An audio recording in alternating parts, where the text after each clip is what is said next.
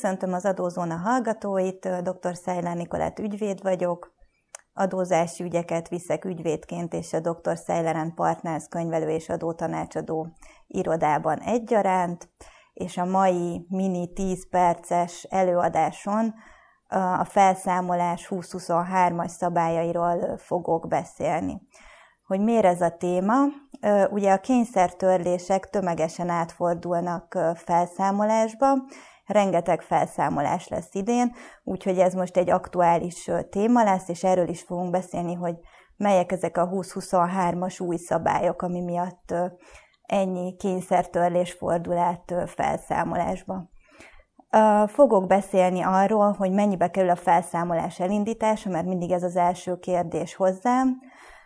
Mikor lehet még a felszámolásból kijönni, melyek a felszámoló előtti teendők, hogy lesz a kényszertörlésből fel, felszámolás, ugye itt az új szabályokról fogok beszélni, és hogy hitelezőként mit tehetünk egy felszámolásban.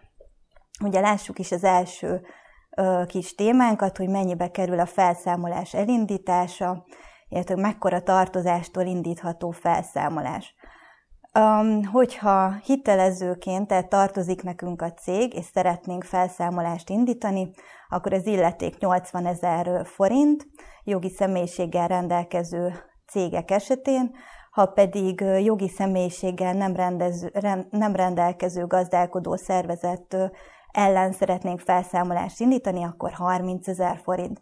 Itt meg kell fizetni még egy közzétételi költségtérítést, ez 25 ezer forint, és mivel a jogi képviselet kötelező, itt ugye hozzájön még az ügyvédi költség is. Az adós cég maga ellen is kezdeményezhet felszámolást, illetőleg ugye a hitelező is a nem fizető adós ellen kezdeményezhet felszámolási eljárást, és ugye itt a Covid alatt 400 ezer forintos tartozástól lehetett felszámolási eljárást indítani. Én úgy láttam, hogy ezt már elég rég eltörölték, és maradt a 200 ezer forintos tartozás, hogyha ezt eléri az összeg, akkor már indíthatunk felszámolást. A másik fontos kérdés, hogy ki lehet-e jönni a felszámolásból, illetve mikor lehet még kijönni belőle, nagyon fontos, hogy ameddig a bíróság jogerősen el nem bírálja, vagy el nem rendeli a felszámolást, addig lehetőség van a tartozásnak a megfizetésére. Illetőleg a vitatásra is, tehát hogy, hogy valóban tartozik nekünk a cég, ezt ugye az adós mindenféleképpen vitathatja. Azonban ennek a vitatásnak van egy speciális szabálya, ezt megpróbálom egyszerűen és közérthetően elmondani.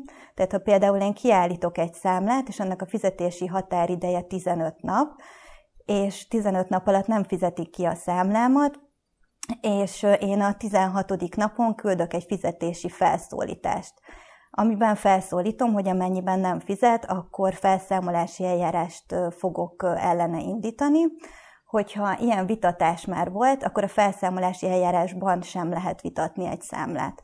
Tehát ez nem úgy működik, hogy én kiállítok egy számlát, és a nem fizető adós pedig ameddig világ a világ vitathatja, hanem a hitelező fizetési felszólításának készhezvételét megelőző napig lehet vitatni ugye ezt a tartozást és amikor esetleg felszámolás alá kerül a cég, akkor pedig, hogyha megjön ez a végzés, hogy felszámolás alá került a cégünk, akkor is kérhetünk még egy 45 napos határidőt, amikor még ezt a tartozást kifizethetjük. Ezek után pedig, ha elrendelték esetleg a felszámolást, akkor sincs még semmi veszve, ugyanis a felszámolási eljárás időtartama alatt bármikor lehet egyességet kötni a felszámolóval. Ugye egyesség esetén ez egy nagyon speciális helyzet, hiszen ki kell fizetni a tartozásukat, illetőleg a felszámolási költségeket, és ezután pedig a cég visszaáll az eredeti helyzetbe, tehát mintha semmi nem történt volna, folytatja újból a tevékenységét, mint hogyha nem is lett volna felszámolás. Tehát nagyon fontos, hogy hogy a felszámolás ideje alatt bármikor lehetőség van egyességet kötni a felszámolóval, és kifizetni a tartozásokat. Még egy fontos téma, hogy mik a felszámoló előtti teendők. Amikor a bíróság jogerősen elrendeli a felszámolást, akkor kijelöl egy felszámolót vagy egy felszámoló céget. Általában ugye ez egy cég szokott lenni a felszámoló, és a felszámolás alatt lévő cég vezetője ugye köteles a felszámolónak 30 napon belül tulajdonképpen a céggel kapcsolatos minden iratot, vagyont, záróleltet és záró mérleget átadni. Nyilatkozni kell arról, hogy környezeti károsodások esetleg maradtak-e a, a cég után, és tájékoztatást kell adni minden jogügyletről és kötelezettségvállalásról. Tehát leegyszerűsítve, ugye a jogerősen elrendelt felszámolástól, tehát a felszámoló kirendelésétől 30 nap van arra, hogy hogy a cégről teljes körűen tájékoztassuk a felszámolót, és hát a legfontosabb, hogy a záró mérleget átadjuk neki. Nagyon fontos szabály, hogy mi történik akkor, hogyha ezt nem teszi meg az ügyvezető, mert természetesen a vezető tisztségviselő felelőssége, hogy ezt megtegye. Ebben az esetben a bíróság pénzbírsággal sújthatja a cég vezetőjét, és nagyon fontos, hogy ezek már óriási összegekig nőhetnek, mert ha nem teljesíti ezt az ügyvezető, akkor a megelőző évben felvett bevételének 50%-áig, vagy pedig, hogyha ez nem állapítható meg, akkor 2 millió forintig terjedő pénzbírsággal is sújtható. A másik fontos kérdés, hogyha hitelezők vagyunk egy felszámolási eljárásban, tehát tartozik nekünk a cég, akkor hitelezőként mik a jogaink, mit tehetünk. Hát elsősorban a legeslegfontosabb, hogy jelentkezzünk be a felszámolási eljárásba, mint hitelező. Ugye itt van egy regisztrációs díj, amit meg kell fizetni, mind a bíróságnak egy részét, mind pedig a felszámolónak meg kell fizetni a törvényben meghatározott díjat de a legfontosabb, hogy a hitelezőknek 40 napja van arra, hogy a felszámolásba bejelentkezzenek. Ez a felszámolás elrendelésétől számított 40 nap.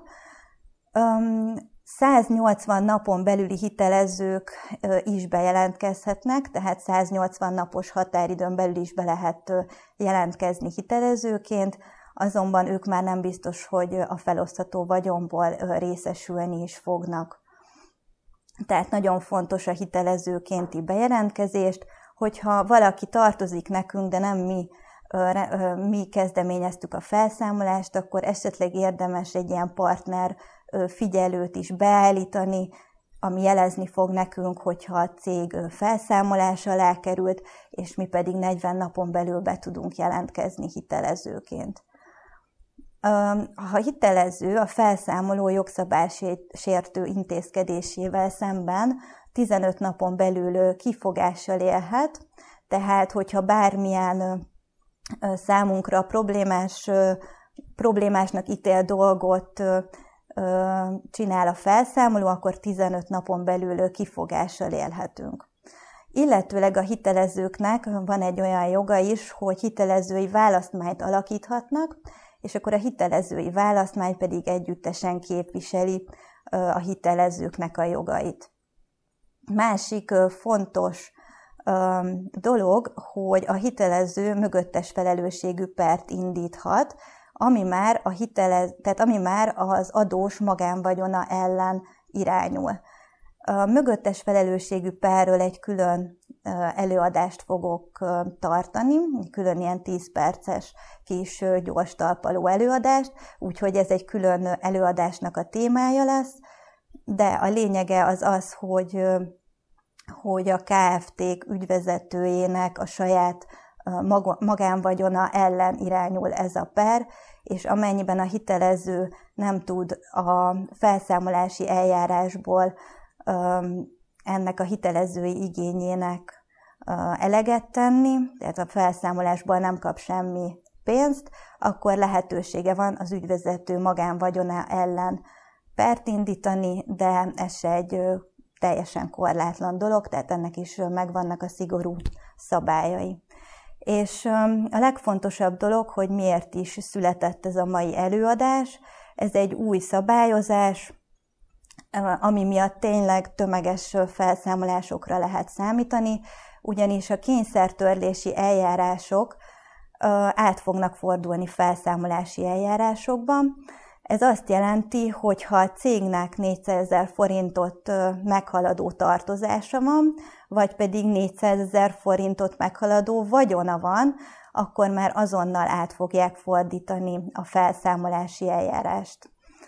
Um, tulajdonképp a kényszertörlési eljárást át fogják fordítani felszámolásba, és ugye a felszámoló felszámoló személynek azért senki sem örül, tehát itt a kényszertörlési eljárásban rengeteg cég szépen csendben el tudott tűnni, most ez másképp lesz, tehát mm, tényleg nagyon sok felszámolás lesz az eljövendő időszakban. Um, tulajdonképpen az elmúlt 15 év már rengeteg felszámolást, felszámolásban láttunk el képviseletet. Én erről a témáról reggelig tudnék beszélni, de ez az előadás most csak egy 10 perces, rövid előadás volt, úgyhogy köszönöm szépen a figyelmet.